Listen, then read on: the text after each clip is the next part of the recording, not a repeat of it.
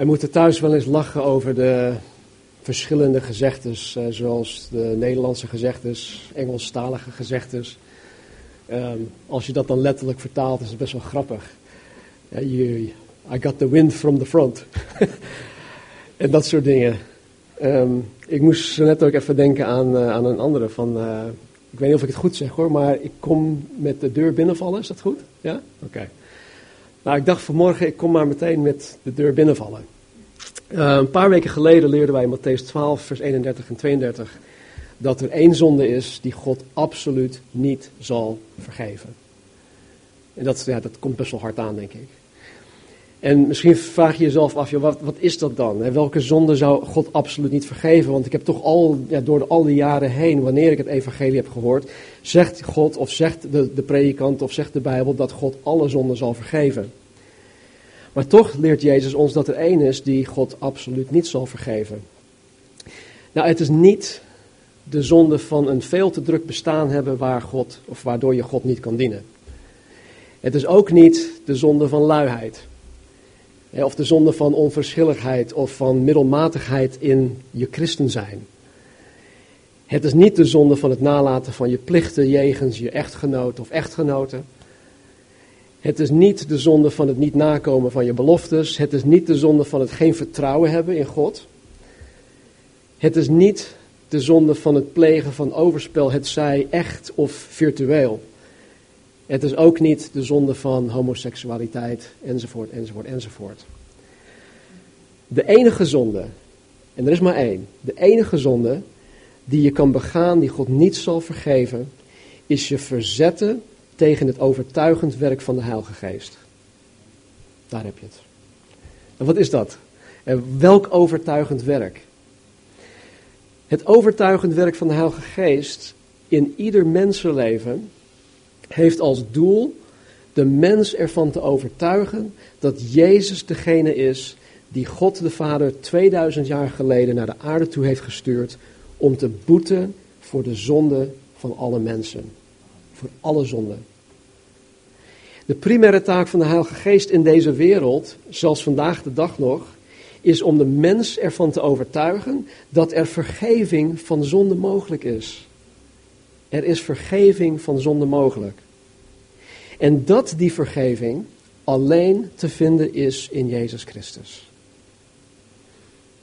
En door die vergeving te aanvaarden, is het de mens mogelijk gemaakt om, God, de of, of om met God, de Vader, verzoend te worden. En waardoor je dan een persoonlijke relatie met God kan aanknopen en ook onderhouden.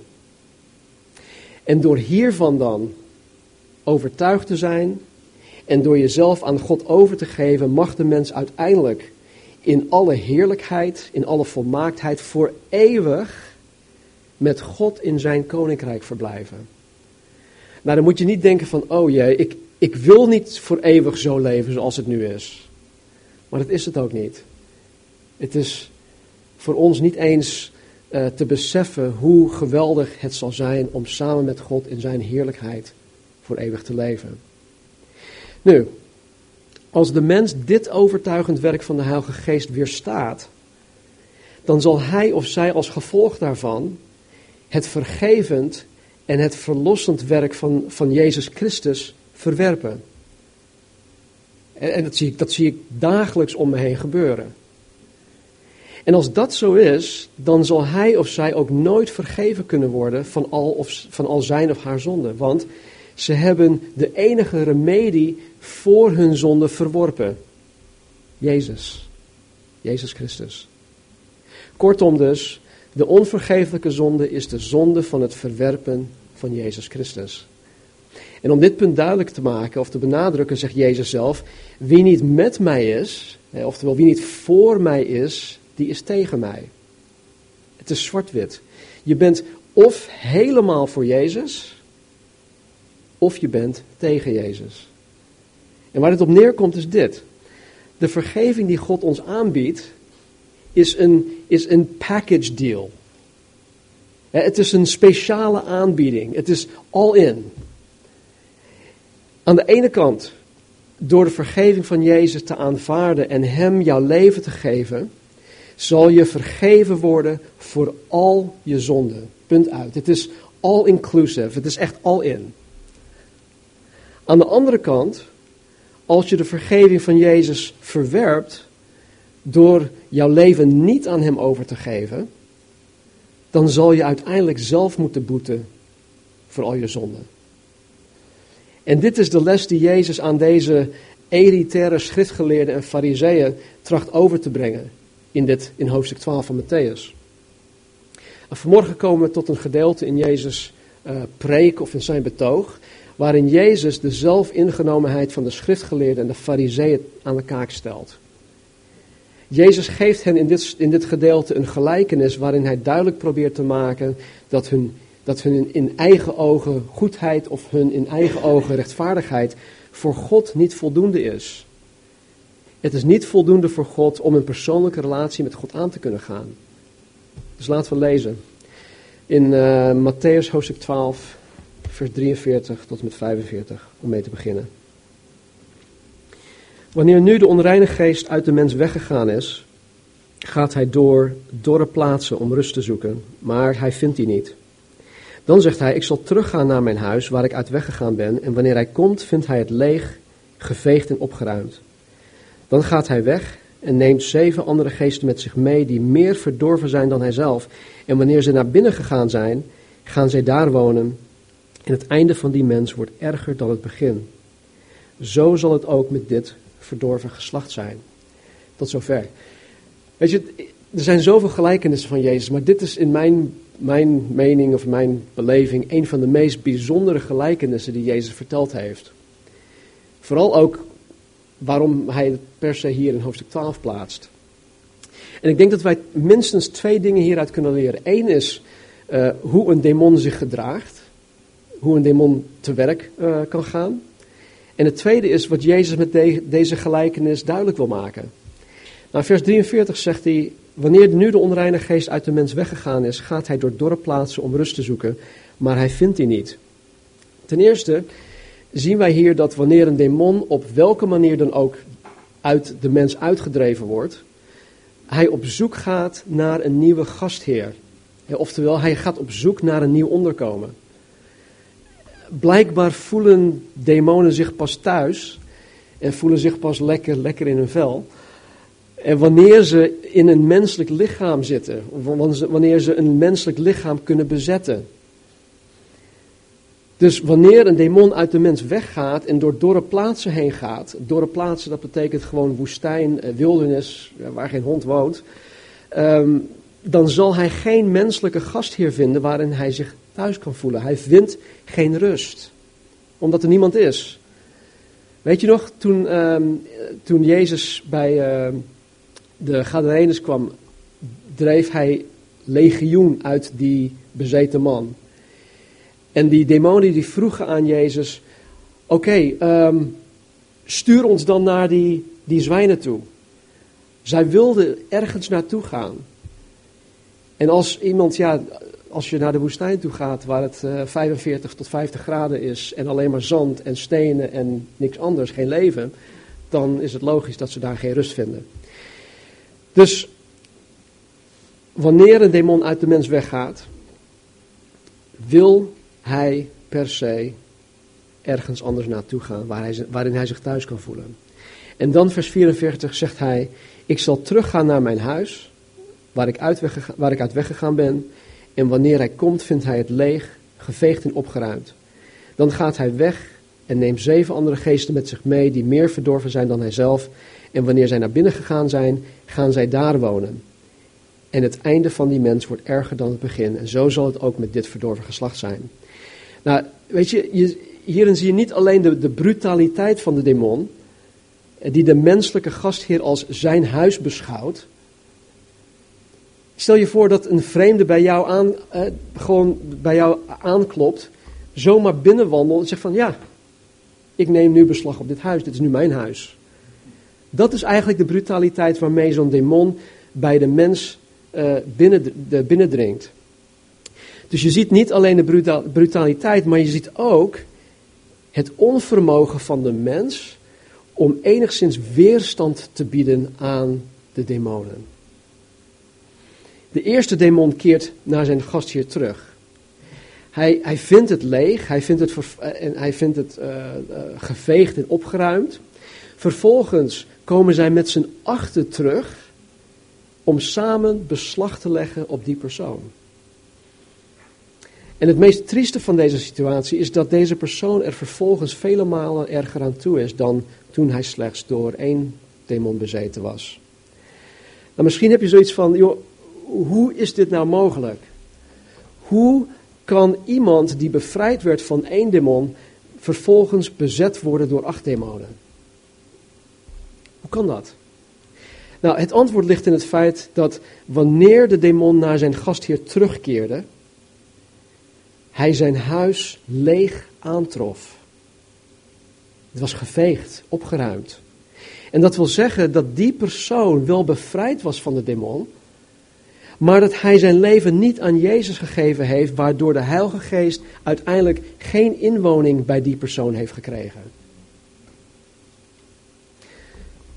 Kijk, op het moment dat ik in Jezus Christus geloof, op het moment dat ik mijn zonde beleid, op het moment dat, dat ik mijn leven echt aan Jezus geef, dan komt de Heilige Geest in mij wonen. De Bijbel zegt, je lichaam is een tempel van de Heilige Geest. Ik word een gastheer voor de Heilige Geest. En de Heilige Geest maakt zichzelf thuis in mijn lichaam. Op dat moment behoor ik God toe. Ik ben verzegeld met de Heilige Geest. Ik ben Gods eigendom. En omdat ik als wedergeboren christen met de Heilige Geest vervuld ben, kan geen enkele demon beroep doen op mijn lichaam. Al komen ze met z'n tienen of met z'n honderden of met z'n duizenden. De demonen mogen niet en kunnen niet beslag leggen op mijn lichaam. Dat is, dat is onmogelijk. En dit is dus de reden dat een wedergeboren christen, een geestvervulde christen, absoluut niet bezeten kan zijn. Maar als je niet vervuld bent met de Heilige Geest, dan ben je gemakkelijke prooi voor demonen. En dan hoef je niet te schuimbekken en te schreeuwen en te blerren. Het kan ook heel subtiel wezen. Het kan ook heel subtiel zijn. Dit is dus hoe een demon zich kan gedragen en hoe hij eventueel te werk kan gaan. Maar waarom gaf Jezus deze gelijkenis nou? Waarom per se hier in hoofdstuk 12?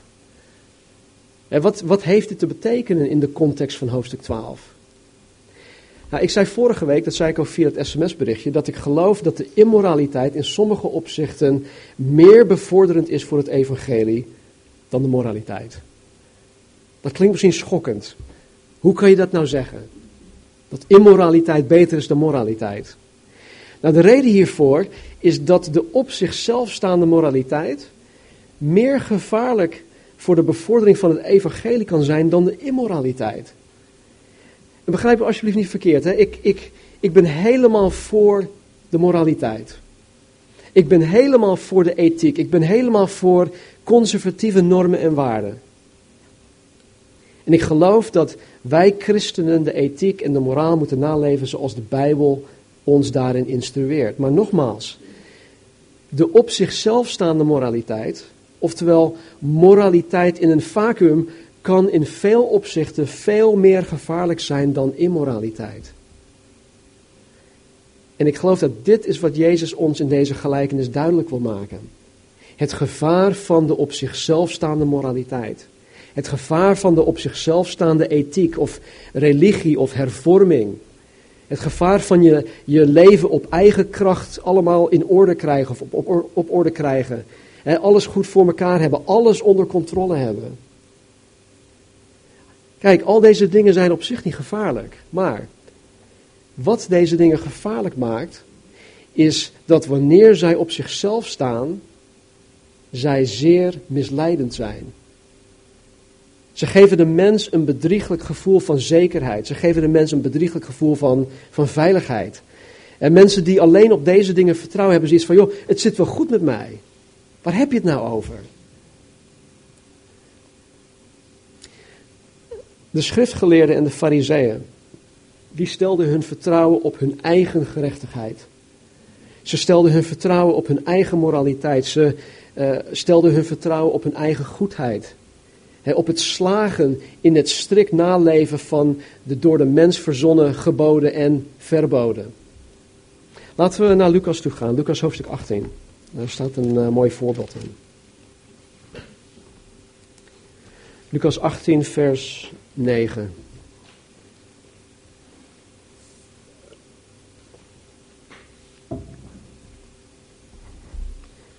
En Jezus sprak ook met het oog op sommigen die van zichzelf overtuigd waren dat zij rechtvaardig waren en alle anderen minachten deze gelijkenis. Twee mensen gingen naar de tempel om te bidden.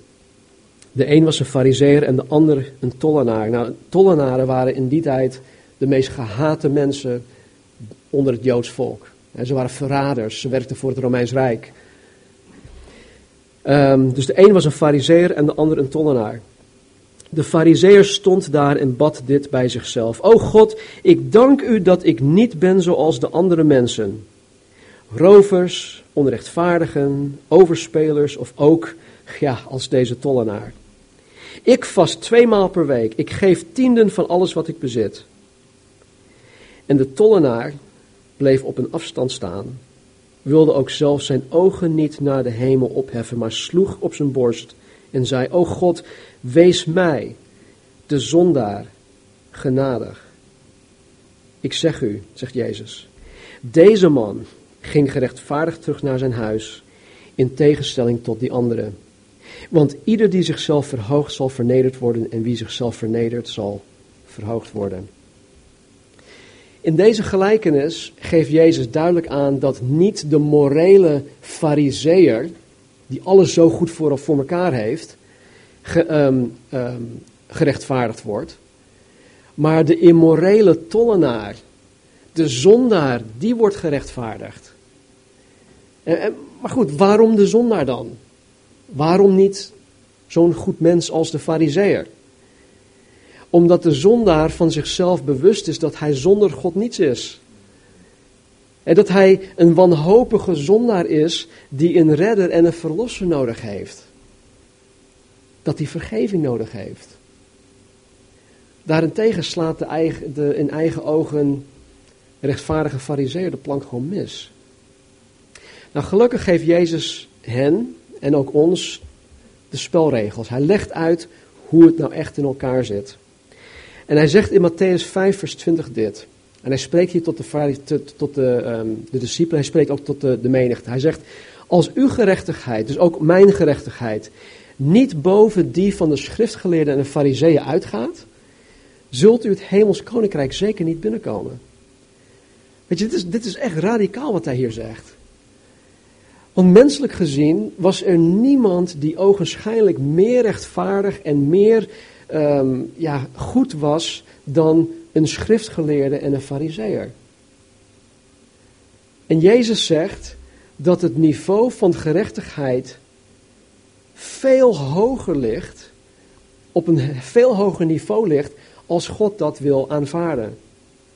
En dus het niveau van gerechtigheid die voor God aanvaardbaar is, dat is vele malen hoger dan die van deze religieuze leiders.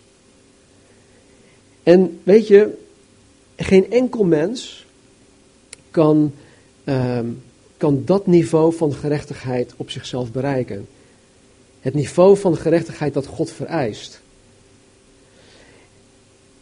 En dat, ja, de gerechtigheid dat God vereist, is eigenlijk hetzelfde uh, als de gerechtigheid die hij zelf ook heeft. Het is de gerechtigheid van God zelf. En het is de gerechtigheid die hij aan de mens geeft op het moment dat hij of zij tot geloof in Jezus komt en vervuld wordt met de geest. Jullie kennen Abraham, vader Abraham uit Genesis. In Romeinen 4 vers 3 zegt de Bijbel, Abraham geloofde God en God verklaarde hem daarom rechtvaardig. Even verderop in vers 5 staat dit. Als iemand zonder iets te presteren gelooft in God, die de goddeloze rechtvaardigt, dan is het zijn geloof waarom hij rechtvaardig wordt verklaard. Geloof. Het is zo eenvoudig Alleen maar door God te geloven, door in Jezus Christus te geloven, wordt de mens rechtvaardig verklaard. En dat betekent gewoon dat God mij nu door de bril van Jezus Christus ziet. En hij kijkt naar mij en hij zegt: Stem maar in zijn, jij bent 100% rechtvaardig. Er is niets mis met jou. Je bent helemaal goed. Tegen Nicodemus, een vooraanstaande religieuze leider en fariseer, zei Jezus in Johannes 3:3: Alleen wie opnieuw geboren wordt, kan het koninkrijk van God zien. Even verderop in vers 5 zegt Jezus dit tegen dezelfde Nicodemus. Alleen wie geboren wordt uit water en geest, dat wil zeggen dus vleeselijk, menselijk geboren, en ook uit de geest, is in staat het koninkrijk van God binnen te gaan. Weet je, als er, als er, als er um, menselijk gezien iemand was die uh, rechtvaardig was, die goed was, uh, die echt zeker weten toegang zou moeten krijgen uh, tot de hemel, dan was Nicodemus dat wel. Hij was onberispelijk. Nicodemus, ja, wat de moraliteit en de ethiek en de Joodse religie betrof, had Nicodemus echt het, het uiterste, het toppunt bereikt. Maar tegen deze morele zwaargewicht zegt Jezus dat zelfs hij wederom geboren moet worden om het koninkrijk van God überhaupt te kunnen zien, laat staan dat hij het koninkrijk binnen kan gaan. En het geboren worden uit de geest gebeurt op het moment dat men zich bekeert, zijn of haar zonde beleidt, om vergeving vraagt en zich uitstrekt naar Jezus Christus als verlosser en redder. Dit zijn de spelregels. Dit is wat Jezus ons duidelijk maakt. En het geldt voor een ieder. Het gevaar van de moraliteit zit dus in de waan dat alles goed is. En dat men alles goed doet. Dat zij misleid zijn door de in hun eigen ogen rechtvaardigheid. Nu dit. Het verschil dat wij in deze voorbeelden gezien hebben, is tussen degene die wel of niet tot geloof komen in Jezus. Maar ik geloof dat er voor ons, wij, dus, wij die in Jezus Christus geloven, dat er voor ons een hele belangrijke les in zit. Want zelfs wij die reeds geloven, die Jezus trachten na te volgen, wij die goede christenen zijn, of trachten te zijn, kunnen misleid worden door de in onze eigen ogen goedheid. Nou, zoals ik vorige week al zei, gaan wij in januari ons achtste jaar in. 21 januari bestaan we zeven jaar. We hebben in, in bijna zeven jaar tijd de, Bijbelboek, de Bijbelboeken Handelingen, uh, 1 Korinthe, Genesis volledig uh, vers voor vers behandeld. We hebben in die tijd uh, daarnaast ook 125 thematische studies gehad. Vanmorgen is onze 71ste studie in het Evangelie van Matthäus. En ik stelde vorige week ook de vraag, of ik leg het aan jullie voor. Je moet jezelf afvragen: wat heb je met al deze dingen gedaan? En vanmorgen denk ik dat wij de vraag, een andere vraag of twee andere vragen moeten gaan stellen. En de eerste vraag die je zelf moet stellen is: zie ik mezelf als de hopeloze zondaar uit Lucas 18, die er uh, van zichzelf volkomen bewust was dat hij uit zichzelf niets goeds kan doen? Zie ik mezelf zo? Zie je jezelf als een man of vrouw die, die echt wanhopig dicht bij Jezus moet blijven wandelen? Om bijvoorbeeld de echtgenoot of echtgenote te kunnen zijn naar Gods wil?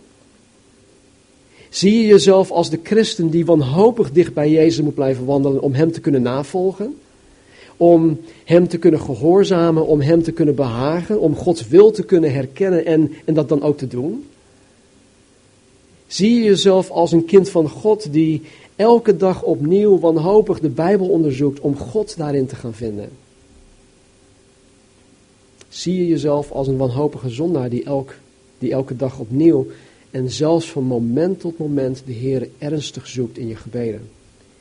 En dan, bedoel, bedoel ik absoluut niet dat je, een, een, dat je jezelf moet afzonderen. Zoals een monnik bijvoorbeeld, dat je alleen maar eh, bezig bent met. Nee, maar gewoon een leven die verbonden is met God. Dat je altijd bewust bent van Gods aanwezigheid en dat je je aan Hem moet schikken. Kijk, als dat zo is, prijs de Heer. Want dan ben je goed bezig. Dan ben je zoals een Petrus of een Paulus. Maar als dat niet zo is, dan moet je zelf een tweede vraag stellen. Zie ik mezelf eerder als de fariseer uit Lucas 18, die van zichzelf dacht dat hij een, een goede christen was? En doe je het zo goed dat je God niet elke dag opnieuw en van moment tot moment ernstig zoekt in je gebeden? Doe je het zo goed? Heb je God eigenlijk niet nodig? Gaat het zo goed met je dat het voor jou uh, geen kwestie van leven of dood is om de Bijbel elke dag opnieuw te gaan onderzoeken, om de levende God daarin te vinden?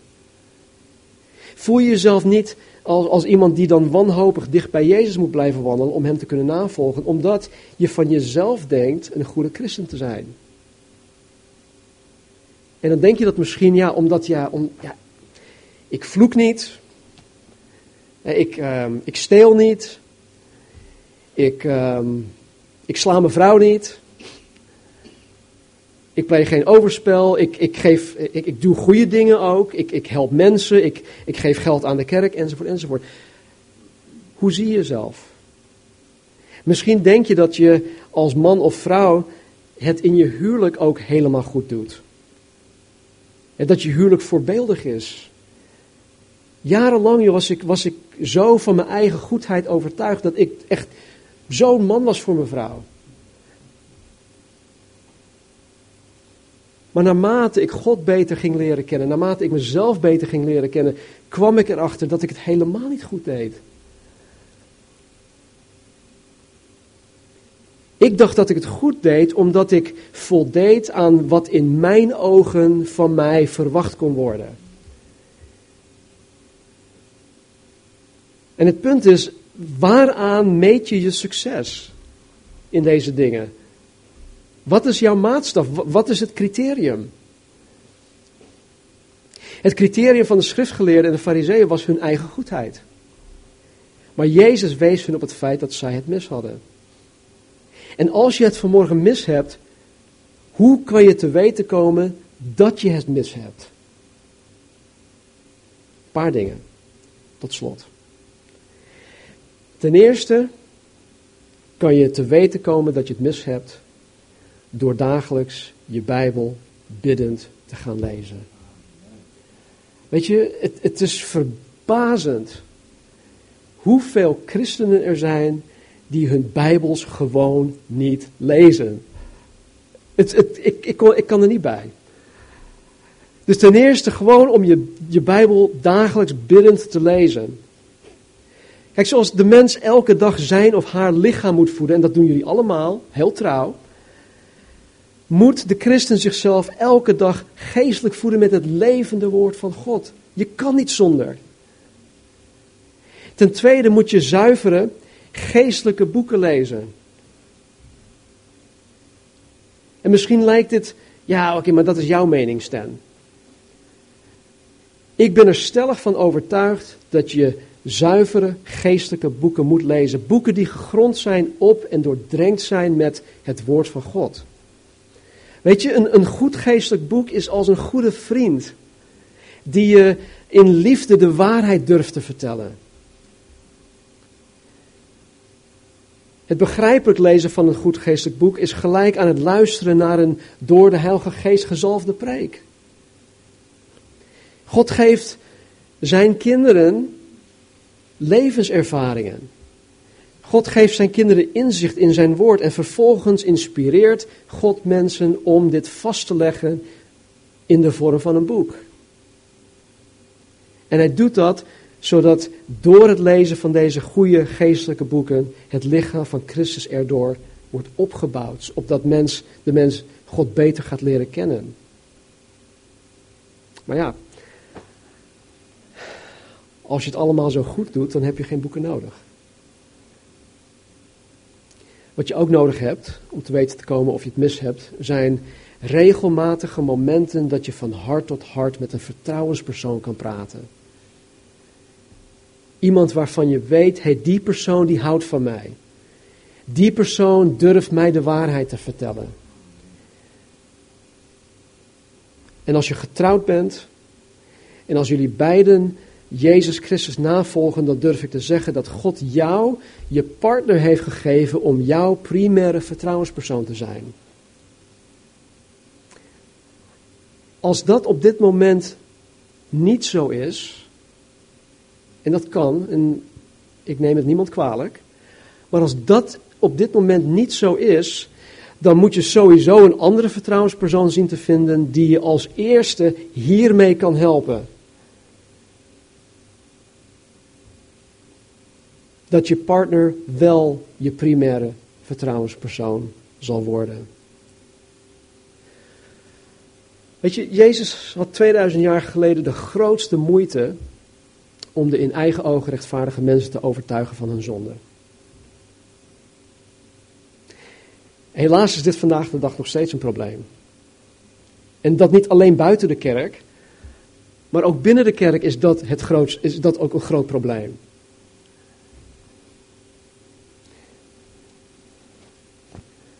Vers 46.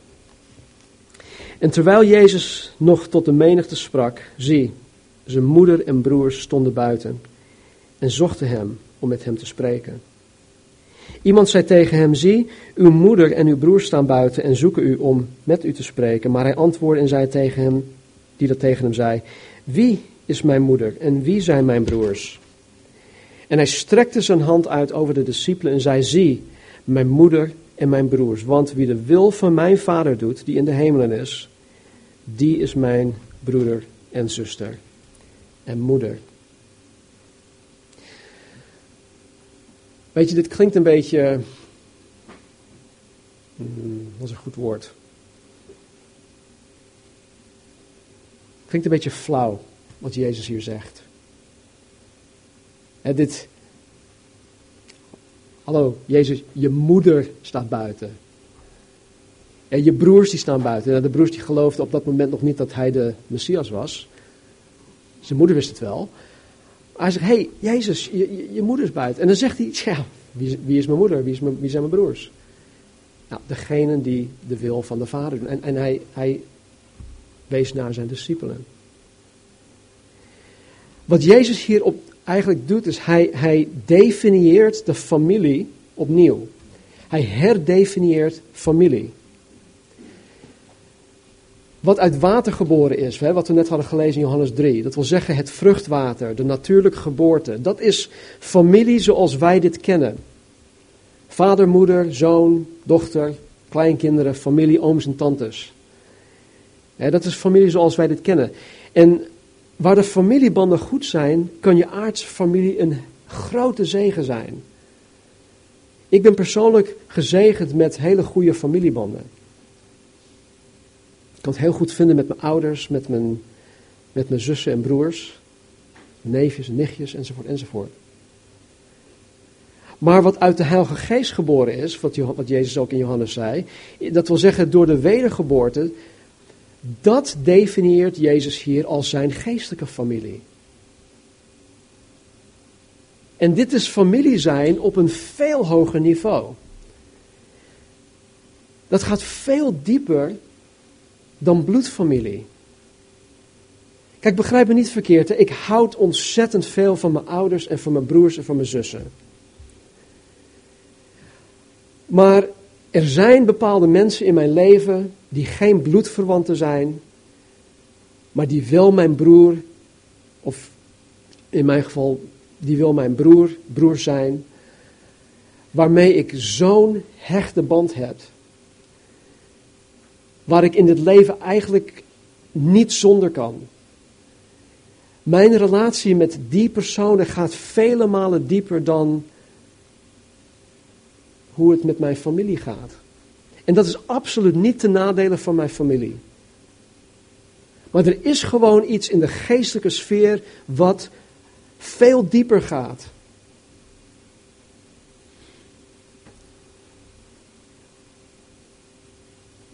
En de voorwaarde om deel uit te kunnen maken van deze familie, van deze geestelijke familie van Jezus, is dat je de wil van God, de Vader, doet. Vorig jaar had ik in december elke week via de e-mail een, uh, een hoofdstuk uit ehm, de wil van God van Andrew Murray naar jullie per e-mail toegestuurd. En weet je, het is best wel lastig om de wil van God te doen. Ten eerste moet je weten, wat is de wil van God nou eigenlijk?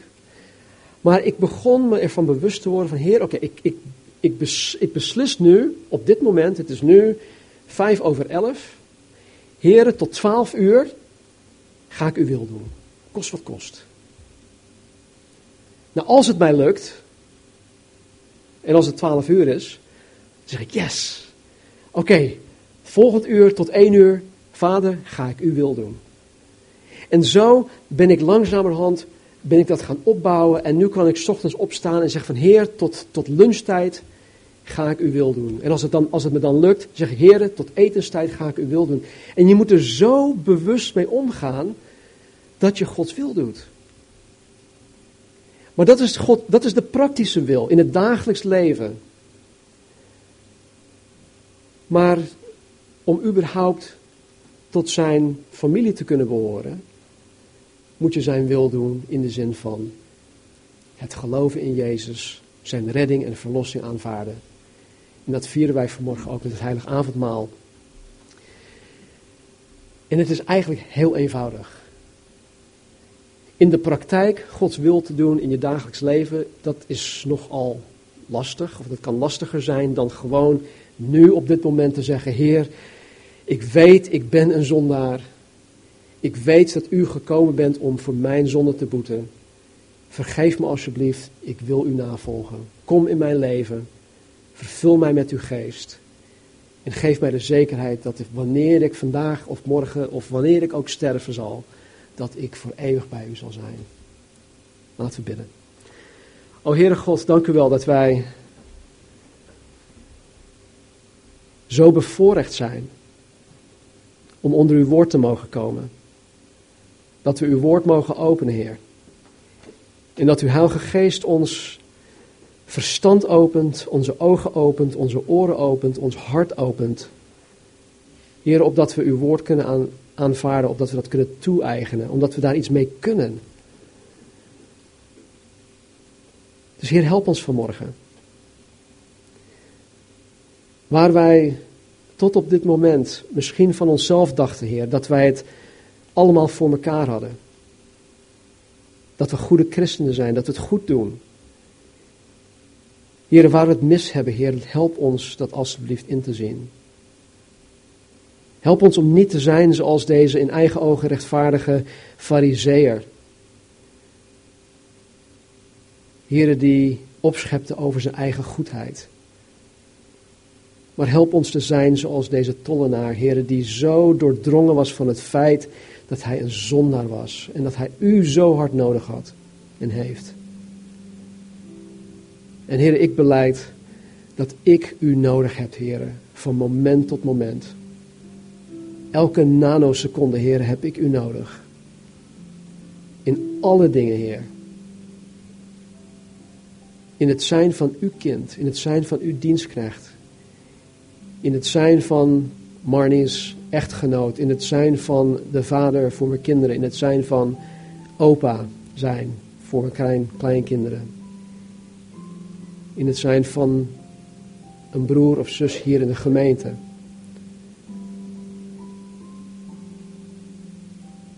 Heer, help mij, help ons.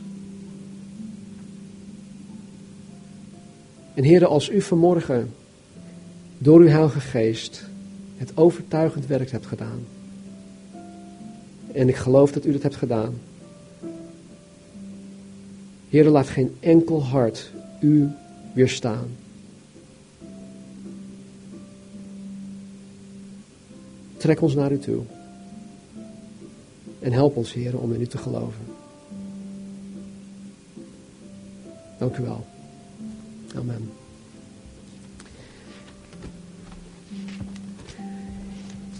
In Matthäus 26, tijdens de paasmaaltijd, Pascha, stelde Jezus het nieuwe verbond in. En hij zegt in vers 26, terwijl, of staat, terwijl zij aten, nam Jezus het brood en toen hij het gezegend had, brak hij het en gaf het aan de discipelen en zei, Neem, eet, dit is mijn lichaam. Hij nam ook de drinkbeker en nadat hij gedankt had, gaf hij hun die.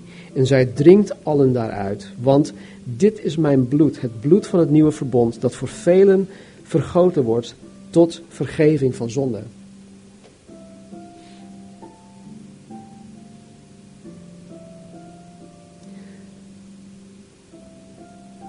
Weet je, het is aan de ene kant zo lastig om overdonderd te zijn door je eigen zonde. Dat je jezelf niet waardig voelt om überhaupt naar God toe te gaan, of in gebed, of in het lezen van je Bijbel, of in het nemen van het heilige avondmaal. En want de Satan speelt, speelt er ook nog een rol in van, uh, kijk, hoe durf jij nou? Jij noemt jezelf christen. Maar kijk wat je allemaal doet. Wat je allemaal gedaan hebt. Het andere extreme is van, nou, ik heb God eigenlijk niet nodig, want ik doe het allemaal zo goed. Hoe dan ook, Jezus nodigt je uit om deel te nemen van wie Hij is. En Hij doet dat door middel van het vieren van het heilige avondmaal. Dus wanneer het aanbiddingsteam ons zal leiden in een aantal liederen, neem gerust even de tijd om met God te praten. Misschien moet je je zonde beleiden, misschien moet je gewoon God om vergeving vragen, om dingen goed te maken. Doe dat, neem de tijd ervoor. En als je er klaar voor bent, kom gerust naar voren toe, neem het heilige avondmaal. Dan gaan we tot slot nog een aantal liederen samen zingen. En daarna gaan we heerlijk met elkaar eten. Dus neem alsjeblieft de tijd en uh, laat de geest je leiden.